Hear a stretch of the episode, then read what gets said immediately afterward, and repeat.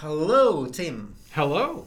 Yes, um, I'm. I'm actually really, really happy to have this chance. Um, First of all, just to meet you. Mm-hmm. Um, we are here together at the Holacracy Forum. Um, yes, in Amsterdam. in Amsterdam. It's awesome, awesome event. Um, and uh, you had a presentation here, and uh, we'll- did. yeah, and uh, and uh, we are going to talk about the same topics. I'll probably present again on a similar topic. Yeah, yeah, yeah, yeah. I know, I know. Um, and about you. Mm-hmm. So I know that you are a purpose guy. I am a purpose guy. It's true. So uh, the the key word that should be um, your your middle name is probably purpose. Um, That wouldn't be inaccurate. exactly, and uh, I know I know that uh, your background is you you did uh, quite a career in Oracle. Yes, a lot of time in, in Silicon Valley, computers, databases, software. Yeah. and then you somehow had a shall we call it a, a crisis A purpose crisis. a purpose crisis and uh, you stumbled upon the, the work that's that's connected to purpose and purpose driven organizations and uh, Actually, I didn't. Um, at the time, there wasn't really very much. This was in the early 90s, mid mid 90s, I guess. Yeah, early 90s. And um, there was not a lot going on about purpose in business Okay, in the early yeah. 1990s. Um, you know, uh, uh, conscious capitalism hadn't been written yet, and you know, none, none of that stuff was going on. And and there were people talking a lot about individual purpose, but there weren't really solutions or methods that I found particularly useful at all. so for a while, the problem just really went unsolved for me. But what I did figure out was that um, consciousness work, generally speaking, like learning about myself and my inner world and psychology and spirituality and that sort of stuff, somewhere in that realm was the thing I was looking for. So mm. I just got very aggressive about learning about all that stuff in the hopes that it would lead me in the right direction, which it did. But it didn't lead me in the right direction by teaching me the thing I wanted to know. mm, It led me in the right direction by giving me the tools that I needed to create the thing I needed myself. yeah yeah yeah and you have a book out I do. True purpose. True purpose, yeah. um, and you, there's uh, this uh, process of uh, finding your true purpose right Mhm. and we can we can also talk about that. But first, I would really love to hear what exactly, like, if you would just give the story or the background, Mhm. what exactly was the experience that led you to this search or this um, this this kind of a, uh crisis and and going through this uh, soul search. Yeah. So the that thing that happened when I was 31 and at Oracle was um, realizing that climbing the corporate ladder wouldn't make me happy and fulfilled. Yeah. That's because the guy I was working for, I was two levels. I worked my way up very aggressively. Rah, young man, you know, ambitious, climbing the corporate ladder. I'd gotten up to two levels below Larry Ellison, who was CEO at the time. And the guy above me looked miserable to me. I don't know if he actually was, but eh, I just thought, wow, I, I don't want to be you. And so that means that going higher won't make things better. Now, I could have left and gone somewhere else, but I, I realized, I, I guess the way I think, it was more like an indictment of the system than it was an indictment of that particular company or that particular job or something like that. I just thought, well, maybe climbing the corporate ladder isn't really a solution, which is something that people traditionally would realize at about age 45 or 50. so I was just a little early. Um, often, a lot of the people who are clients of mine now, they climb and climb and climb, and they become very successful, and then realize that the success hasn't created the experience they imagined it would. They have the success, they have the money, they have the title, they have the recognition, but that the experience they were looking for didn't come with those things. And, and I saw that coming in advance and bailed. but that was actually my third purpose crisis. okay, okay, okay. So what, what? Just shortly, like what? Yeah. What were the first two? Yeah. So the first one happened at age four, and that was when I realized that the adults didn't know what they were doing. And uh, I like to say that th- that's a healthy realization for a 16-year-old. Yeah. but not a healthy realization for a yeah, yeah, yeah, yeah, yeah, yeah. it's very unnerving for a four-year-old.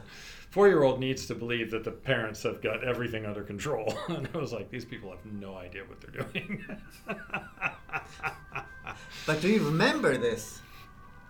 um, I have an image of it, and the image is of being in Manhattan with my mother.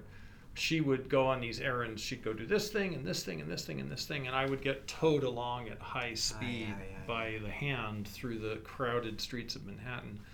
And the, the image is, is this memory, and it may not be a specific time. It may represent many times, sort of like a dream image or something. But, but the feeling is the feeling of what are what the hell are we doing now? Like what, what, what and why? and so you know how three and four year olds, you know, Daddy, why, why this, why that, why, why, Yeah, why, yeah, why, yeah, why? I just never stopped. I, what happened was I kept asking why, and I realized the answers were completely unsatisfactory, and the adults were making it up as they went along, and um, and that that was really disturbing to me. It was like, okay, how can it be that these people and these countries and these organizations, this whole all this stuff, there's no plan. Yeah. That that that's got to be a mistake. Um, so that was the first purpose crisis, but that one got sublimated into the unconscious, became a core wound, and disappeared from view. Um, the second one I remember much more vividly was, and, and I discovered that one in, in sort of doing work on myself in my 30s, sort of reaching back and finding, actually, no, actually, I guess it was in my early 40s, reaching back to find the roots of certain feelings and impulses and stuff that I had, and I encountered those young parts in myself that had had that experience. The second one was when I was 21 at MIT and I had achieved all my goals and didn't know what to do and lost all of my motivation. That was purpose crisis number two. And that time I wound up dropping out of school, getting involuntarily called to active duty because I was in a Navy officer training program, and sent off as an enlisted person to scrape paint and swab decks and do menial tasks for two years. Um, and that uh, that had the benefit of curing my lack of motivation because it was such a miserable work environment that I had plenty of reason to want to do something to get out of it. so it provided me with plenty of motivation to raise myself up in the Navy hierarchy, get out of the Navy, go back to school and get my degree and go get a job so I didn't have to keep doing that.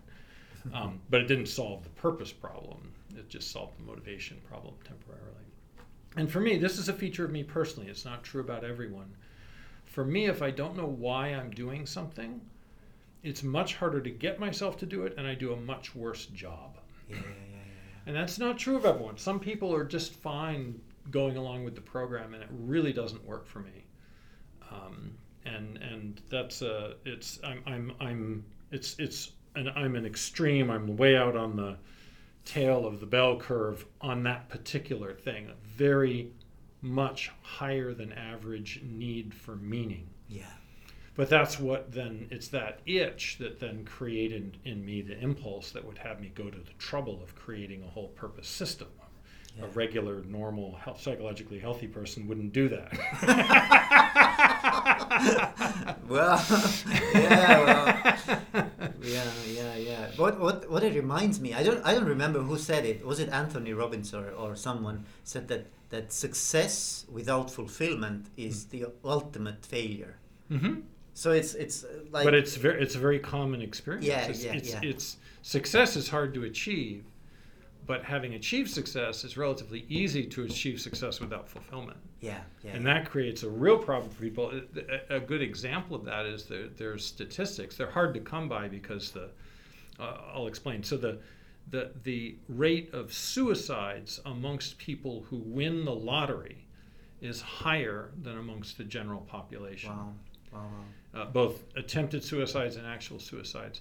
It's hard to get precise statistics because the municipalities that use the lottery to fund themselves do not wish these statistics to be public.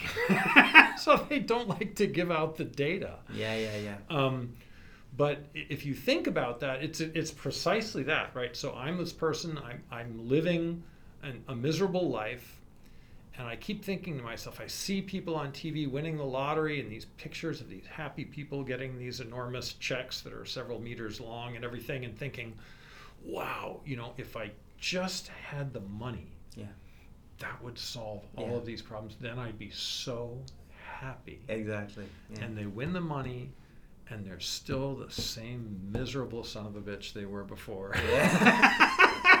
still Yes, yes, married I- actu- to the same horrible person, still living in the same terrible circumstances, except now all their friends and their relatives have all become greedy and are coming to them for money. yeah yeah yeah yeah yeah And they don't know how to manage the money they have now. And so typically what happens is, I think it's three years later, their financial situation is worse than before they won the lottery. Wow. And at that point, now you've taken away their hope. yeah yeah yeah yeah yeah that's that's yeah that's difficult yeah yeah i've, I've actually read about uh, some research um, that there is a space level of happiness Mhm. that they oscillate between like like if you if you have a really you know fortunate um, um, case of, of winning a lottery then s- for some time you might Mm-hmm. Yeah. be more happy but you you, You come find back your way back to the baseline. and and even if you for example have a an accident that Mhm. um, they I think they had uh, uh, research with someone uh, who have had back injuries Mhm. so that they are actually uh, paralyzed. paralyzed but Give them a year or two, they'll find their yeah way exactly back. exactly exactly. yeah Yep, yeah yeah yep, so mhm. it's interesting yeah And those baselines are hard to move. They can be moved, but it, Yeah. it takes a tremendous amount of internal work yeah to move something like that. Yeah, yeah, yeah, yeah. Well, well, yeah. So, um, how would you define purpose? Mhm. Like, like how how can we like we are talking about purpose? Obviously, it's Yep. it's a common term, Right. but but I think it can be understood very differently and they define it Absolutely. differently. People mean it and define it many different ways. And many of the people who talk about it and write about it never actually define it, which I consider to be a failing. Yeah, yeah, yeah, yeah. and it's it's honestly it's my background as a mathematician. I was a theoretical mathematician. I mean, I'm a bachelor's degree. I'm not like a you know Dr. Tim or something. But um, theoretical mathematicians are very very precise about defining everything before they start to work. yeah, Right. yeah. That everything gets a definition. Now we begin. right. And it was shocking to me to see in consciousness work how people would have an entire system built around a word and have nothing that really met the, the need of a true definition of that term. They would talk about it.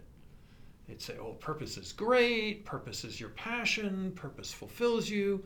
It's like, okay, but that's not a definition. Yeah.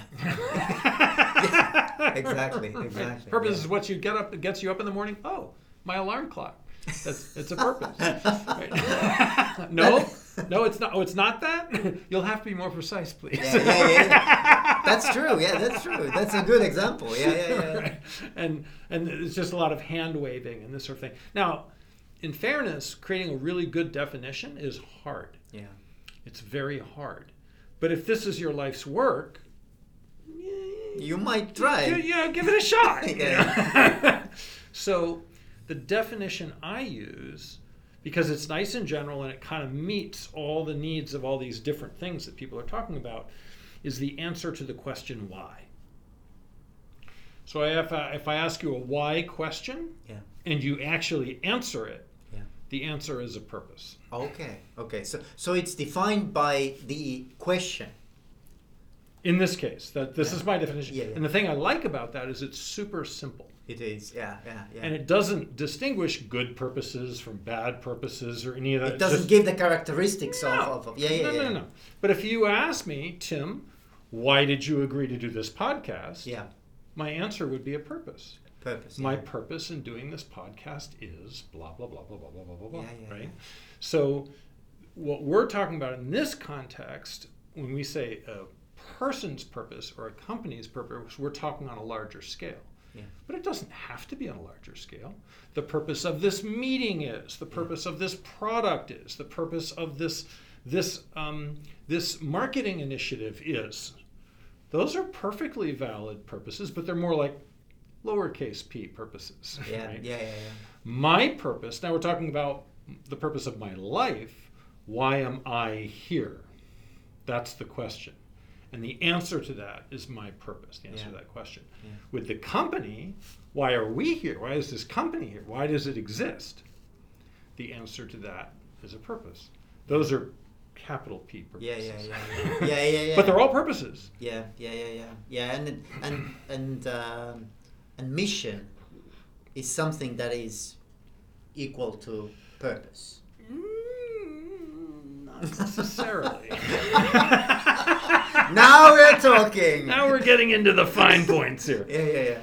So you could the thing here's the here's the tricky thing. You'll you'll hear if you talk to different people who write different books and do different systems about purpose, they'll offer you a different sentence structure for expressing the purpose, or they'll tell you that what goes in the answer is different and these sort of things. And what I'm saying is they're mostly all correct. What's happening is they're answering the question, why am I here, in the case of a person's purpose, in a different way hmm. that leads to a different sort of purpose. So, a mission, this is absolutely my personal opinion, a mission is one of the ways of answering that Okay. question. Okay. And the way I define mission, the term gets used to mean many different things in different contexts. The way I use the term mission is more like the way a nonprofit would use it, or going a little further afield, the way the military would use it, Okay. not the way a typical business would use it. A typical business mission speaks to what the company does and sometimes who they do it for. So they might say, Our mission is to um, provide high quality divorce services to, ne- to, to high net worth couples. Yeah. That's yeah. our mission. Yeah, yeah. right? Yeah. That is not a purpose. That's a that's a what, not a why. Mm. If you ask them, what do you do? That's the answer to that question, Yeah, yeah. right? So a mission, the term mission implies an objective. So you have to think about mission complete, right? I, we've achieved our mission. Well, that implies that the mission has an end point of some sort. Yeah. Providing divorce, uh, high quality divorce services to high net worth couples doesn't have an end point. That's like a washing machine that you can just run over and over and over and over Yeah, and over again, an right? Or or a or a car factory. Parts come in this end, cars come out the other end. That's not a process with an end point. That's a repetitive thing. Mm. So if you think about a military mission, when they say, take that hill, you know, Lieutenant, take your platoon, take that hill from the enemy. Lieutenant goes, takes the hill, calls up the colonel and says, mission complete, now we have the hill. Yeah. Yeah. The colonel can't now say, take that hill again. It's like, well, but It's taken. we, we, we, we did it. We're here. Did, did you not hear me, sir? it's done. yeah, yeah, Right? yeah, yeah. So that's a one time mission. Yeah. yeah. Now you could go do something else, Yeah. right? But you can't do that Exactly. again. Yeah, yeah, yeah. And so, um, nonprofit missions are more like that. Save the whales, Mm-hmm. right? Greenpeace, something like that. So, whales saved. yeah. The whales are no longer in danger. Their population is increasing. The whaling industry is a thing of the past. Mission complete. Yeah, yeah, yeah. Right? Yeah. And you can't say, good, now save them again. Now, 50 years later, they might be threatened again. Something else could happen potentially, but you can't do it again now. Yeah, yeah, yeah. So, so that's whereas you could give divorce services to another couple now, right? We, we do it all day long. Here comes another couple now. Yeah, yeah, yeah, yeah, yeah. So, so you can answer the purpose question with a mission answer if the mission is inspiring enough. Mm, mm. So, save the whales. Yeah, okay. What what's the purpose of your your nonprofit organization? We're here to save the whales. That's our mission. Our mission is to save the whales. And people go, yeah, and they take out their checkbook and they write a check, right? Go save some whales. We're with you, Yeah. right? So that's just kind of an interesting test, right? We, we want a purpose that motivates, Yeah. right? If it doesn't inspire anyone, Or if there's no followers, then I mean. right then so what Yeah, right yeah. you know so and this is where you get into trouble with like the the uh, uh, milton friedman thing about business which is well the purpose of business is to generate value for shareholders well in a very very practical sense he's true but he's true in a what sense not a why sense and, and the equivalent for a human being would be to say, my purpose in life is to eat. okay? And you can say, well, that's not a good purpose, Tim. And I said, but it's critically important. If I don't eat, I'm going to die. Oh, of course. Yeah. And but wouldn't if I were your friend and I said and you said, what's your purpose, Tim? What's what's your biggest aspiration? I said, well, to make sure I have enough food every day. Would, would you worry about me? so when a company says we're here to make a profit and return value to our shareholders, I feel exactly the same way. I'm like, Yeah. that's it? yeah, yeah. That that that's your highest aspiration? You don't want to reach any, you know, reach so it's, beyond that. it's, a, it's a, it reminds me this Jim Collins, this big, hairy, audacious, audacious goals. right, BHAGs. Yeah, BHAGs, yeah, Right. yeah, yeah. It, it's, it's, it wouldn't be a good BHAG, I think. No, it is not a good BHAG. And, and what I love to say when I, I give talks to audiences of CEOs and stuff, and what I love to say to them is I, I say there's a little mental exercise here. I say, okay, let's imagine that Milton Friedman is right. And the purpose of the only purpose of business is to return value to shareholders, right? To provide provide them with with increased value. On planet Earth this morning, how many human beings do you believe jumped out of bed early and rushed to mm. work Yeah. because they were excited about creating value for shareholders? Roughly.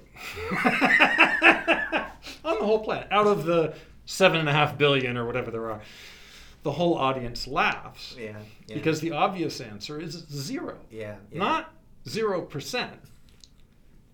Zero human beings. Not one, not two. that is true. Yeah, that is Right? very true. So my answer to Milton Friedman is if you're right, we're in a lot of trouble Mm. because no one cares about that purpose. Mm-hmm. No one's inspired by it. No Maybe shareholders, but, But they're not the ones doing yeah, the exactly. work. Yeah, sure. Yeah, yeah, yeah. yeah. Right? Yeah. So it doesn't help the company if the only people who are inspired by the purpose aren't the ones doing any of the labor. That is like, true. That is really? true. okay. We got all these really happy, inspired shareholders in here and all these mindless drones who are, you know, suffering having to do this work. Well, the, the engagement level, we, we know there you go. Gallup. measured it, and it's It's- like it's not glo- global engagement, thirteen percent. Go team! You know. Yeah, it's not high. uh, no, it's not. Yeah, So we can do better. We can do yeah better. Yeah. Well, and, and to that point, Korn Ferry did a study and measured the the average engagement level in purpose-driven companies. You want, want to guess what it was? Purpose driven. Yeah. Purpose-driven. Um, I'm going to put you on the spot. I, I'm just guessing. Just I have no idea. Yeah. Um, sixty percent. 90. Ninety. That's an insane, Insane. number. It is, yeah. 90%. So if you have 13% employee engagement and I have 90, I'm going to win. Definitely. Obviously. I'm eating your lunch. Your- Obviously. your, employees are all going to come work for me. Yeah, that, that, that, that, that's a convincing statistic. That's a very that's that's the most lopsided statistic I can remember ever hearing. It is, yeah, yeah, yeah, yeah, yeah.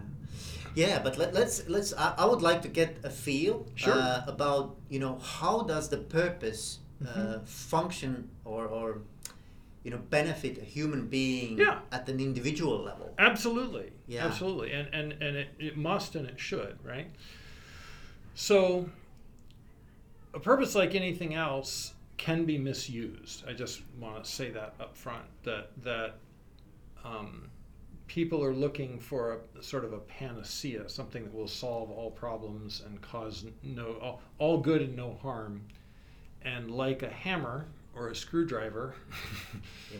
it depends what you do with it, right? If you hit yourself in the head with the hammer enough times, it's not good for you. Not healthy. so you you can hit yourself in the head with your purpose if you're not careful. Uh-huh, So okay, we'll get into that later. But I just, I just wanted to say it's not like the end all be all, most beautiful, most wonderful thing that never causes any problems ever. That's not true. It's an immensely powerful tool that can transform people's lives permanently Mhm. for the better if used properly. so they've done actually this wasn't true when I first started this doing this work. It was about 19 years ago, I think, uh, that I found my purpose. In a little less in September, 19 years ago. Um, there was none of this stuff was available then, but now there's all these studies and these statistics. So they found the following things: um, people who know and live their purpose are, are less liable to have strokes and other heart conditions. They're less likely to get Alzheimer's disease. They live longer. Um, they're happier, more fulfilled, obviously. Um, have better sex. Uh, earn more money. it's the, the list goes on. I, I would love to have all of these on. things. right. And my comment is if you could package that and sell it as a vitamin, you'd be a billionaire overnight. yes, yes. right? Proven research showing that this pill has the following effects, right? And it, it's it's amazing what it can do. So um, the the the answer comes from the why it does these things comes from the studies on on happiness. When we normally think of happiness, we think of the emotion of happiness, like I feel happy now. Um, it turns out that trying to be happy is kind of a losing game. Um, what most people do when they try to be happy is they uh, pursue pleasure or excitement as a way to be happy. The problem is that those are fleeting experiences, and you can't repeat the same thing over and over again and necessarily get the same result. Yeah. So if something's exciting, it won't necessarily be exciting every time. or, or you would need some, you know. Uh, Need a larger fix. Exactly. yeah, yeah, yeah, yeah, yeah. Exactly, exactly. Yeah, yeah, yeah. right.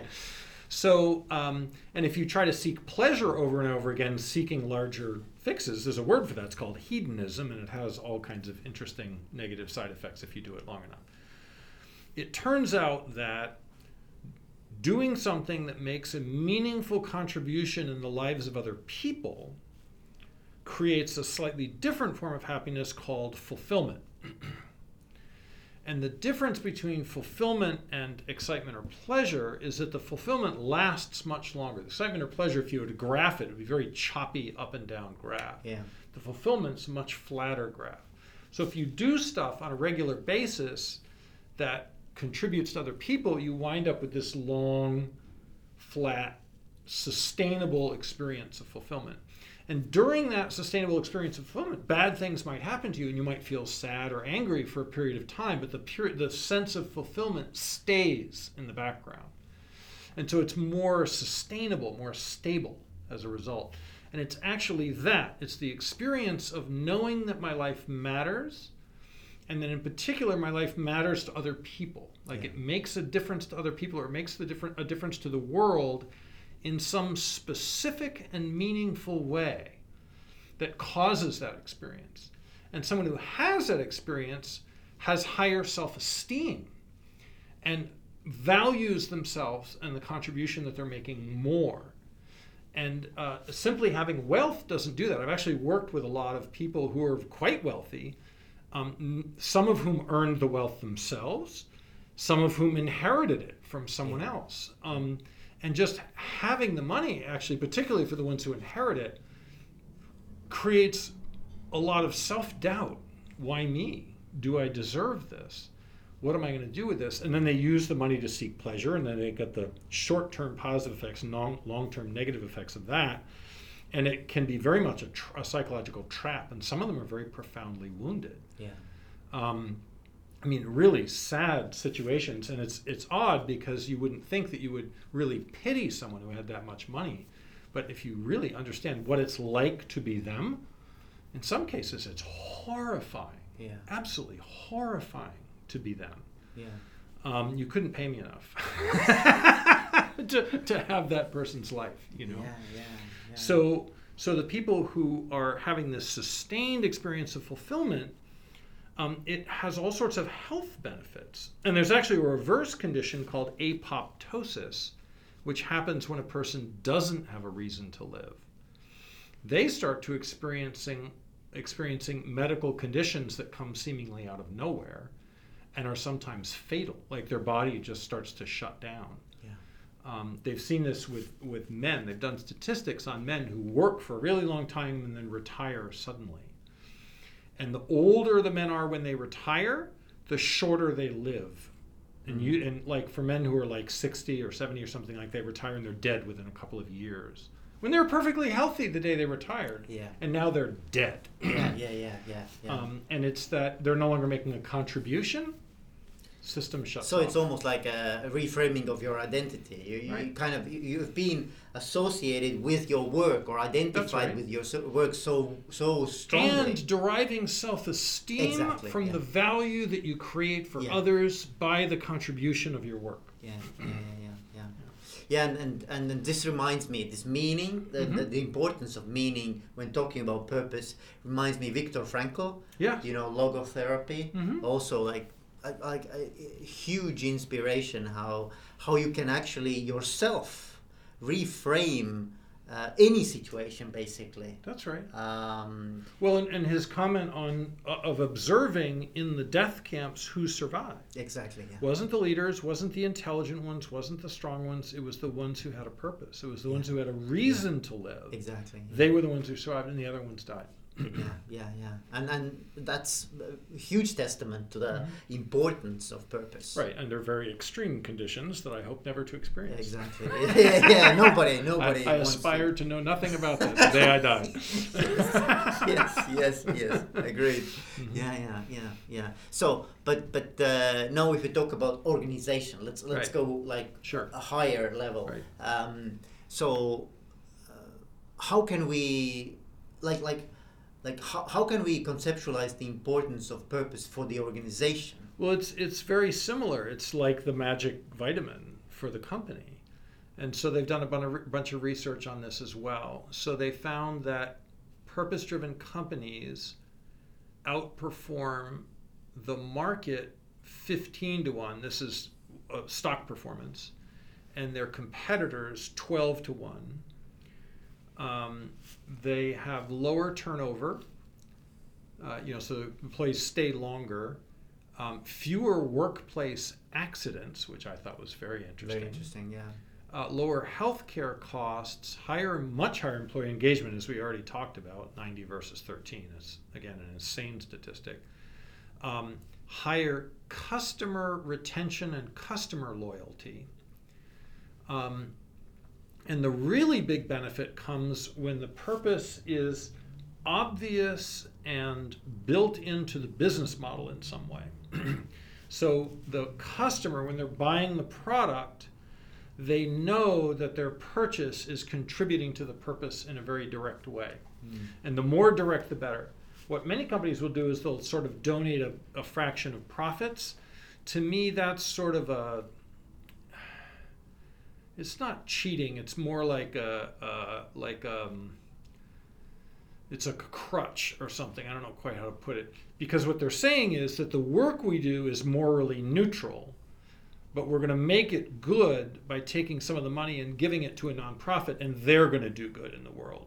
Mm. And therefore, indirectly, we're doing good via the nonprofit. It's almost like sponsorship, right? But it, that's right. But it, but it keeps the work separate, yeah, yeah. right? It, it- there's this there's this delusion we have that's codified in law in most countries. It's now starting to change a little bit.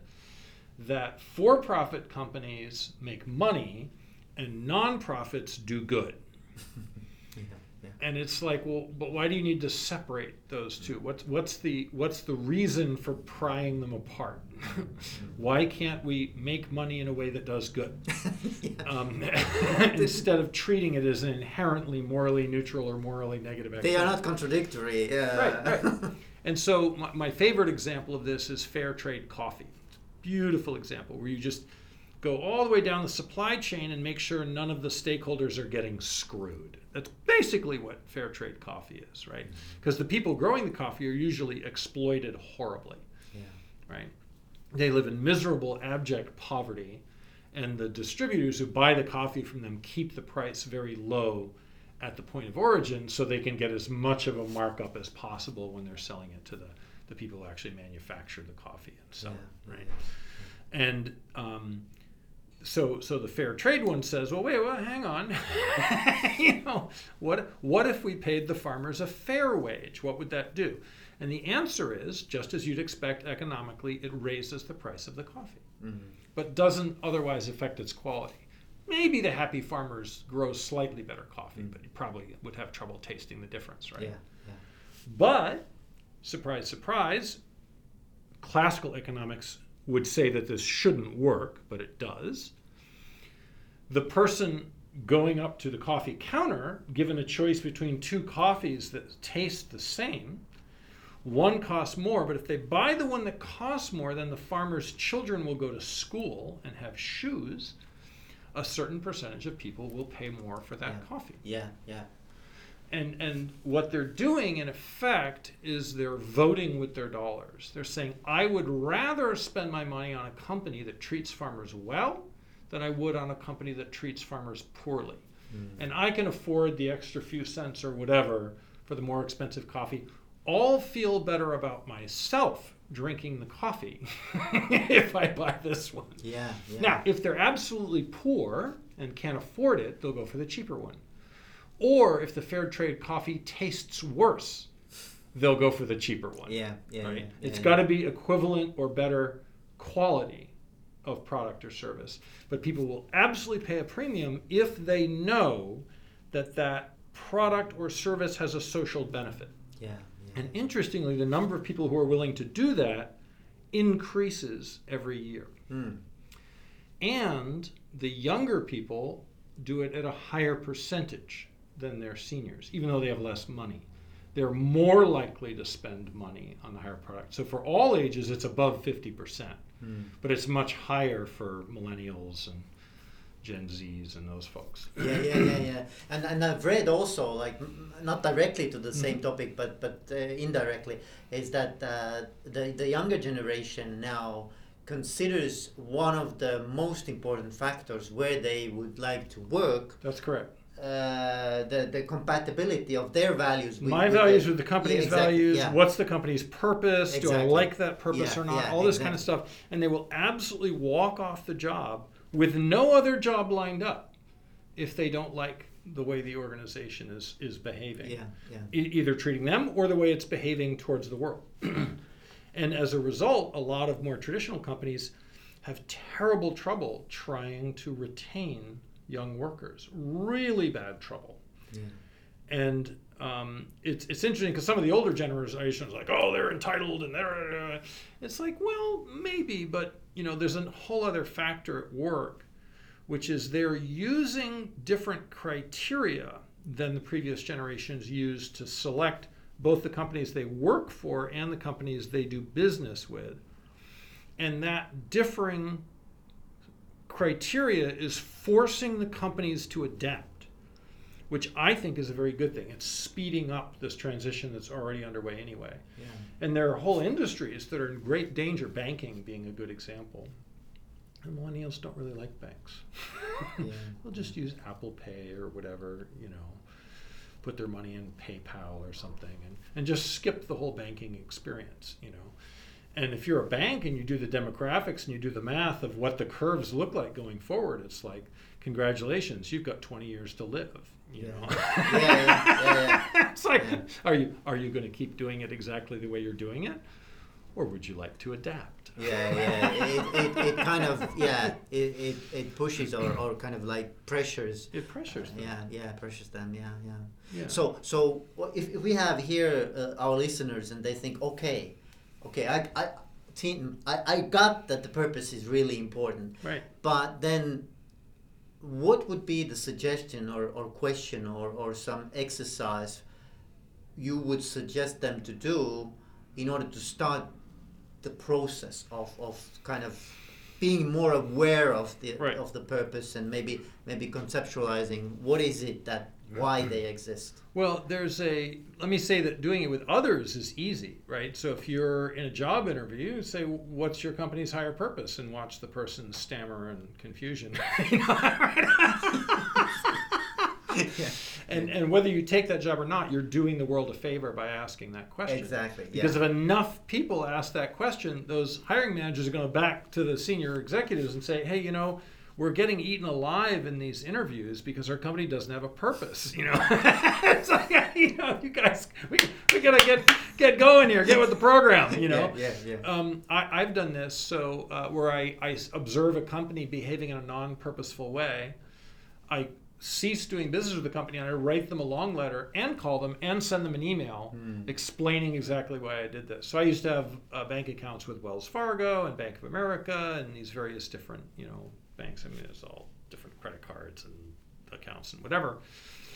And then I found out that they had all supported financially this big project to build this oil pipeline right through these Native American sacred lands. That, and these people had been out there protesting for Yeah. years trying to stop this. And they eventually got all the court cases lined up and did all the stuff and cleared the protesters out and all this kind of thing. And so I just closed all my accounts and sent them these polite letters explaining that I only do business with businesses that are making a better world. And clearly, your behavior has shown that you have no values. Mm. When you have values, when you have a purpose, let me know, and I will start doing business with you again. Because it's important to me. To me, it's important to give them a way to win. Of right? course. Saying I'll never do business with you again doesn't give them an incentive. yeah In the same way that saying I'm going to stop doing business with you now until you change your behavior, that creates much more incentive. yeah right? yeah yeah true That's yeah. a very important distinction, right? You, and if they do better, they have to get rewarded. You can't say, "Well, that wasn't good enough." you know? Yeah. Like- Try again. I don't. I don't like that purpose. Right? It's like, you know, Yeah, it's like, come yeah. on. Yeah, yeah, You know, yeah. Congratulations, you're making an effort. That's really good. I'm going to give you a B minus, and I'm going to open an account with you. it's like Yeah. you know, so so that kind of behavior you can do towards others.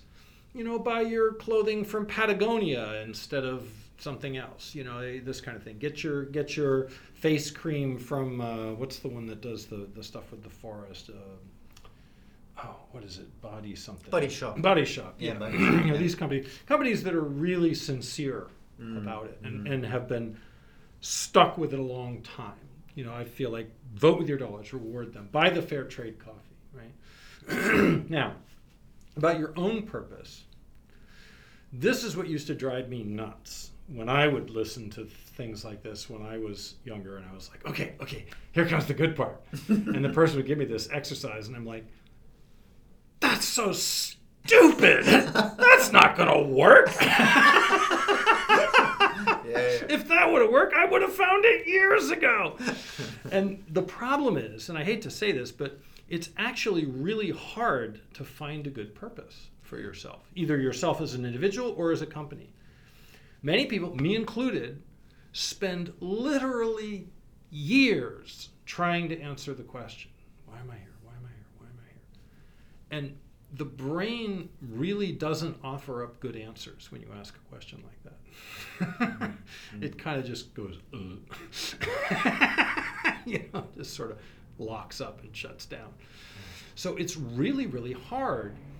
But the way I like to think of it is so is playing the violin. If I just handed you a violin and I say, make beautiful music, good luck, right?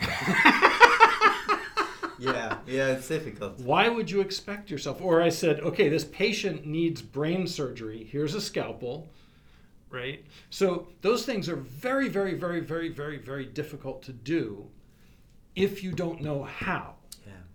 And there's this funny thing that if I handed you the scalpel, you would just set it down again. You'd be like, no way, Tim. I am not touching this guy. I don't care if he's about to die.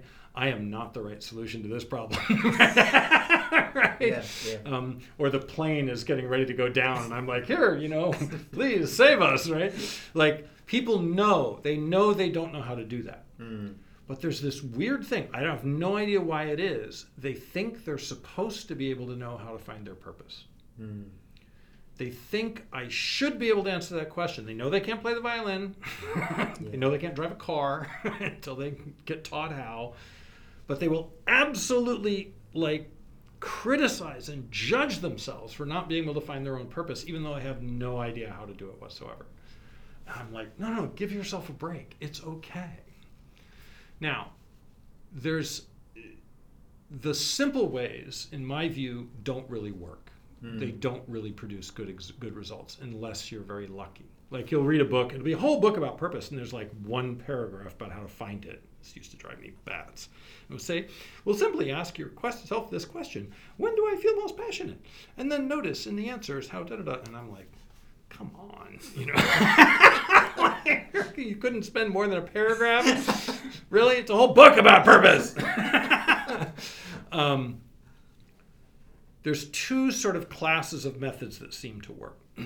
One is where you do a real inventory of your past. There's a bunch of different questions you can ask, but when you feel, when you feel most passionate is one. Another one, what would you do if you won the lottery? That's a good one. What would you do if you had a year to live? That's a good one. There's a whole bunch of questions like this that different people use. The answers to which are not your purpose. But what you do is you ask yourself a whole bunch of questions like that and write down a whole bunch of answers, and then hopefully with somebody else, go through all of your answers looking for patterns. Because your purpose is sort of hiding in the responses. And it can be tricky to find. it's like looking, trying to catch an invisible cat.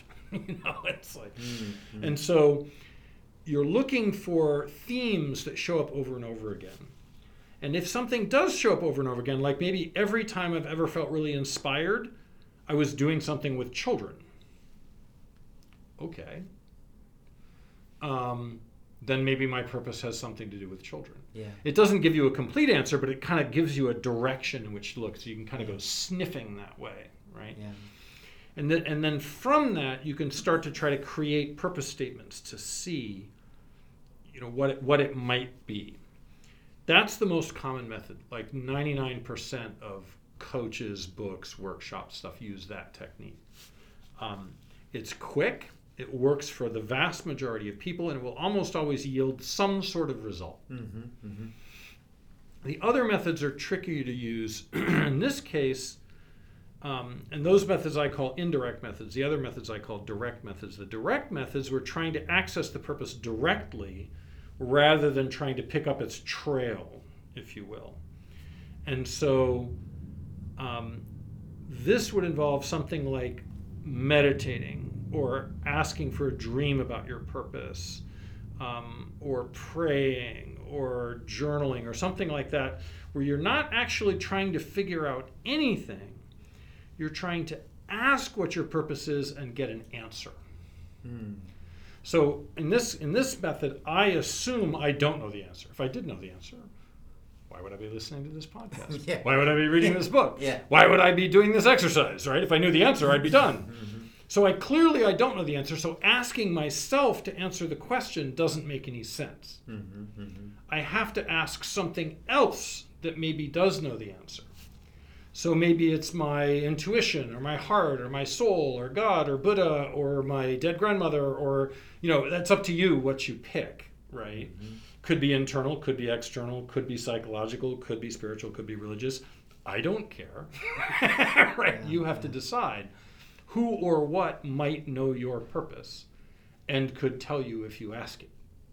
So basically, asking from that so Whoever. I'm just an interviewer. Yeah. So now I go into meditation and I ask my gut or my Buddha nature or an archangel or whatever it is that floats my boat. I say, okay, you know, dead grandmother, what's my purpose? And maybe she says something useful, maybe she doesn't. I don't know. So, but if you can get that method to work, then you get, it's harder to get it to work, but if you get it to work, you get a very specific answer. And the way you can tell that it's correct, and this is by any method, if you have a purpose statement, Mhm. you can tell it's correct if either you're super excited by it or terrified by it. Okay. so both poles look. That's right. And in fact, it could be any reaction as long as it's strong enough. Like, we had one woman once who threw up. she found her purpose. Doesn't happen often. um, so, any strong physical or emotional reaction is an indication So of accuracy. it means that you have touched something important. Something important has been touched, and you are now. It's like it's like you know sticking your tongue in a wall socket, like ah, you know. And you might like the experience, you might not. But you're definitely having an experience. Um, so it, it feels like that, like it's it's almost too much energy, yeah. yeah. Or it's too intimidating, or it's too big, or it's too too sounds too arrogant, or it's it's too something. And and that's that's the sure sign that you've got it Okay. including if you absolutely hate it and you think that can't possibly be it because I will never tell that to another human being as long as I live. Ding ding ding ding ding, you've got it. Congratulations. Yeah. yeah, yeah. Right? And this is a big mistake people make is they want to only go for something nice, something they like, something they feel comfortable. Or, or socially acceptable. Exactly. If it's comfortable and socially acceptable, it's not accurate. Mm. It's been diluted and watered down. Mm, mm, The mm. raw version, the, the accurate version, is what I call it true purpose. The accurate version isn't comfortable and to your ears won't sound socially acceptable. It might f- sound fine to others, Yeah. Yeah. but you'll be certain that it's not. Yeah. Yeah. Yeah. Yeah. Yeah. so that's how you know when you got the right answer. And the difficulty with this direct methods, first of all, you have to figure out who or what you're going to talk to. That's not that hard to tell. You know, if I give someone a long enough list, they'll they'll find something on the list that makes sense to them at least. And learning how to converse with such things generally only takes like half an hour. The problem is fear. The, the traditional methods don't generate much fear because the mind is in control of the whole process. So it can regulate the outcome, which is why the results are usually not as frightening and more vague, is because the mind prevents something too accurate. You already too- too feel compelling. some have some kind of filter already. Unconscious filters keep that from happening for safety reasons.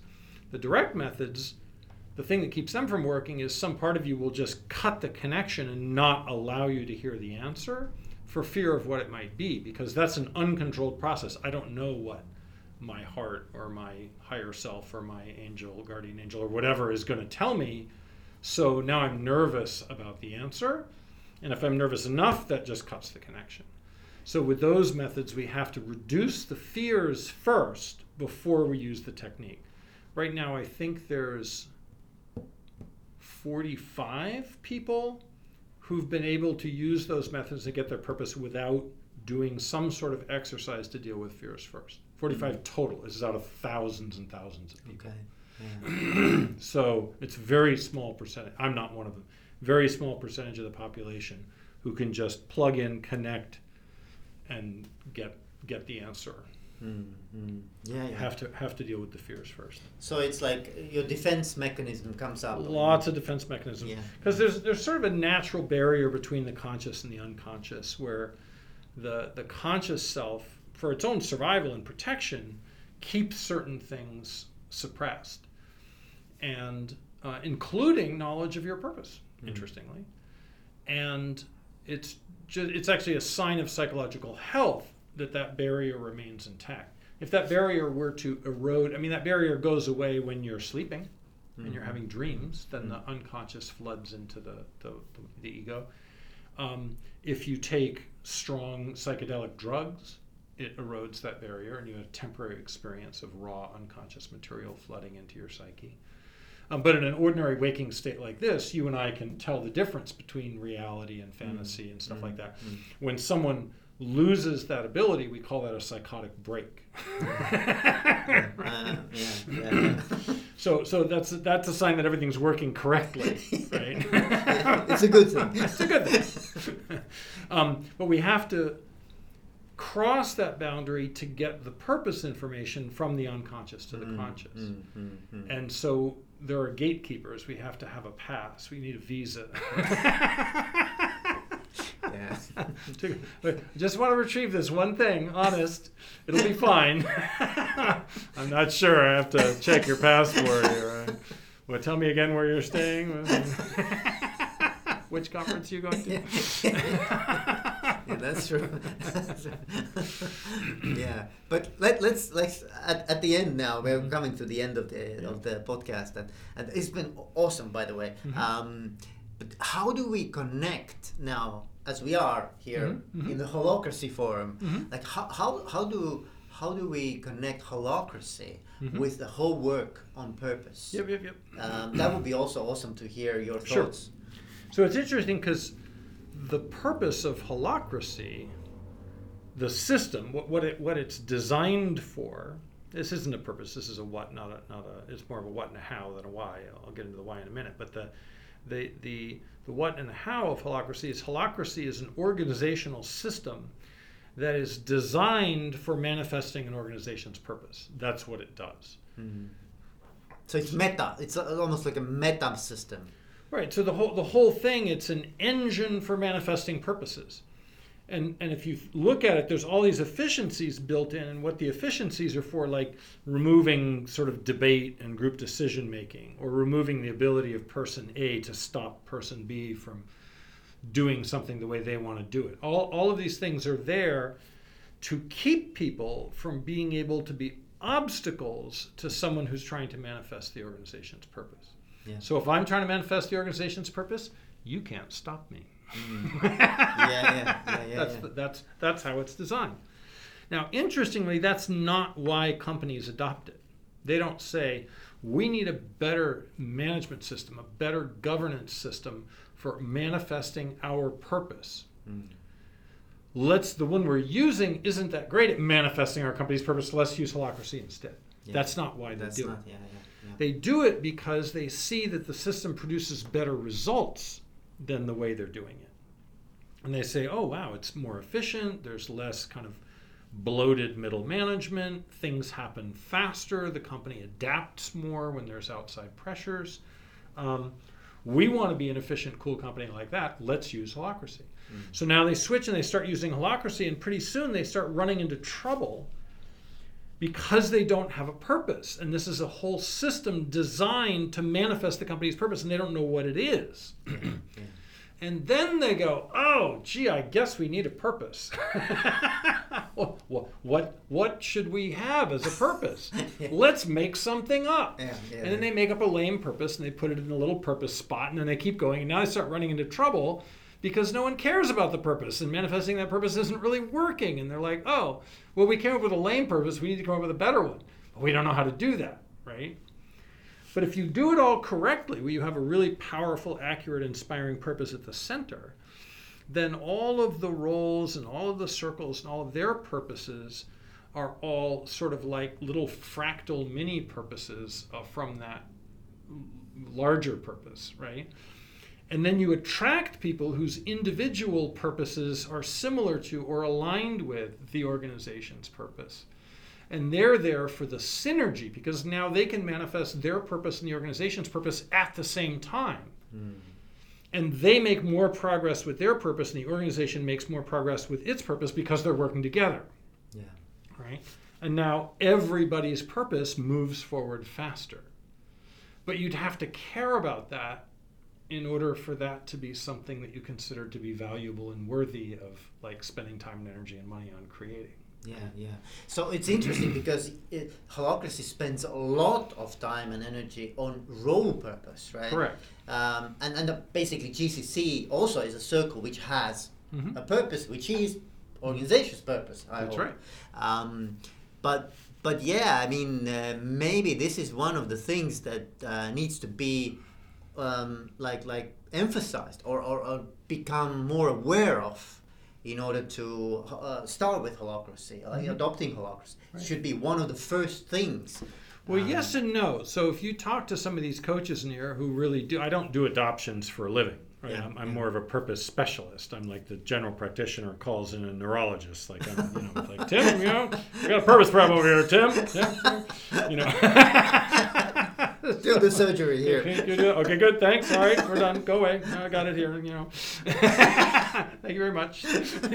um, so the the the problem with starting with the purpose right away is that the people running the organization who have decided to adopt holacracy don't understand why it's important. And so I was just talking with someone about this like earlier today, and he was saying, no, no, no, we, don't- we don't do purpose first. We either don't put anything in there or just put in some lame placeholder purpose and just say, you know, don't, don't, don't worry about this, nothing to see here. Okay, now let's talk again about how governance works, right? And so they, they're now doing all this stuff. And what happens is if they wait, then tensions will arise because of the purpose that will illustrate why they need a good one.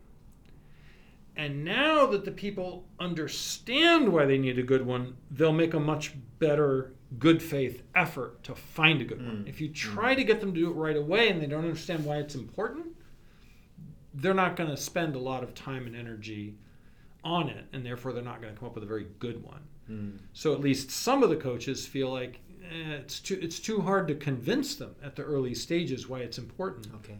Wait.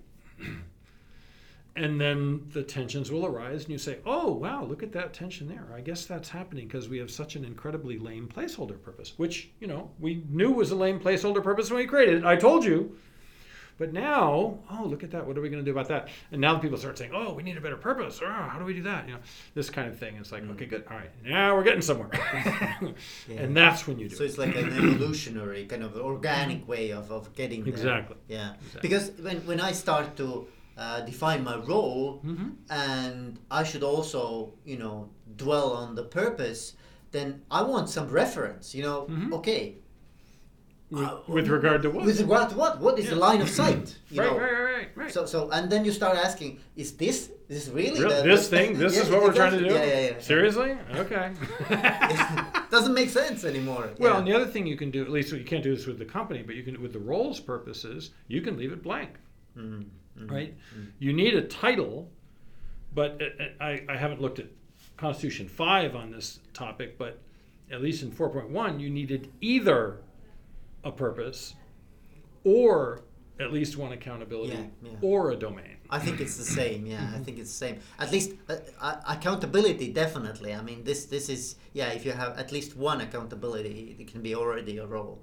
That's right. Um, yeah, yeah. That's but you, true. you could just create a domain or just create a purpose, and you'd be good also. Okay, okay, okay. Yeah. yeah. But so if you say, well, I have no idea what the purpose is, and I'm not going to drive it from this piece of garbage, so I'm leaving it blank, you know, you could do that. yeah, yeah, yeah, yeah, yeah. But at some point, I mean, you you would you would love to have a, uh, a clear purpose Sure. because there might be some occasions when the accountability is not enough. You you No. need to reference something. Well, even even the accountabilities, if you think about it, the reason the accountabilities are optional is because those aren't the responsibilities of the role.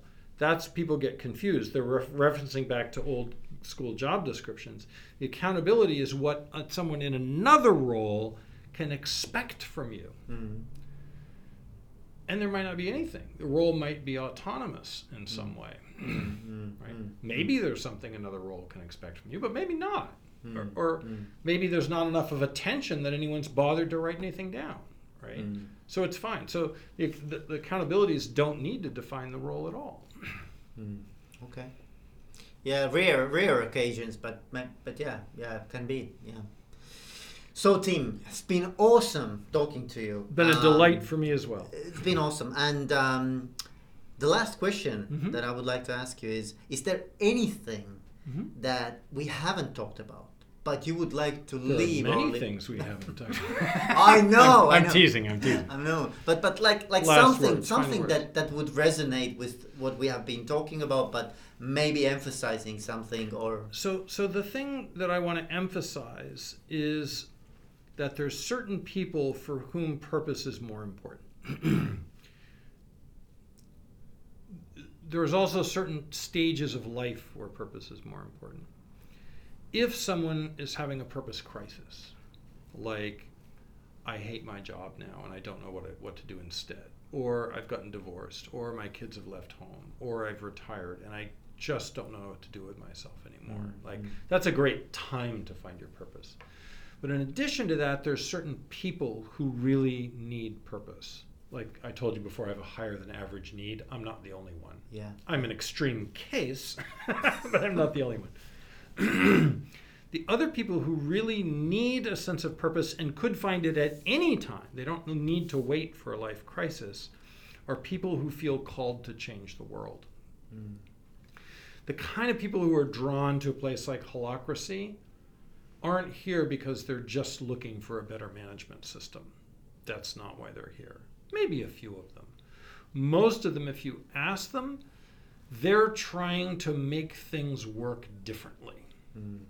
And they think that Holacracy might be able to help them do that, Yeah, yeah. right? Yeah. They want business to be a force for good, or they want an equitable world, or they want, you know, to deal with, you know, some social problem or something like that. And, and it's like the sense that we can do better Mm. and I personally, for whatever reason, feel responsible for making things better. Maybe I don't even, maybe I'm not even happy about the fact that I feel Yeah, responsible. yeah, yeah, maybe it's a pain in my ass. yeah, yeah, yeah. But I feel personally somehow, I don't know why or how, I feel personally responsible for making the world a better place. For people like that, I don't like to use this language, but my friend Tom Rausch says if you're that kind of person, it's mandatory. You Mhm. have to find your purpose. And the reason is that the purpose is for you the coded instructions for how to change the world.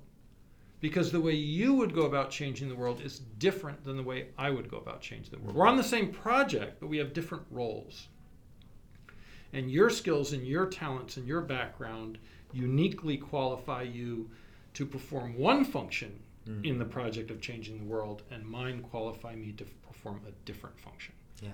And without those coded instructions of how to change the world, that's a profoundly frustrating experience. To have that impulse and not know how to enact it in an effective way. Yeah. And so that's what I would say. If you're that kind of person, go get your purpose. Don't wait. You Mm. don't need you don't need a crisis for an excuse. Yeah, don't wait for a crisis to happen. Right. But Tim, if, if someone now got excited and inspired and they want to learn more about you and your work, Sure. where, where they, can they find? Well, there's a couple things they could do. So, one is anyone could go buy True Purpose off of the True Purpose Institute website or off of Amazon and, and read it. And it's got all sorts of great exercises in it. It's difficult to do a purpose on your own, Mm. to do it to yourself. That's hard to do. Um, it can be done, has been done, but it's very difficult. But that's that's one way. Um, if the person wants to find a coach to help them find their purpose, or they want to be a coach or a consultant who helps people or organizations find their purpose, if they go to truepurposeinstitute.com, that's where we like hold workshops and teach methods and do stuff like that. Okay, okay. If they want to reach me, they should go to newparadigmgloballeader.com. Newparadigmgloballeader.com. That's just my own personal Okay. site. Yeah, cool. So anyway, Tim, it's been pleasure. I'm For me as well. I'm, I'm so happy we had this chance, Yeah. and uh, you never know when we are gonna do the second episode. We don't. We don't. yeah. I'm sure something will inform us when it's time. Yes, yes, yes. the world will let us know. exactly. Thank you. Thank, Thank you. you. Yeah.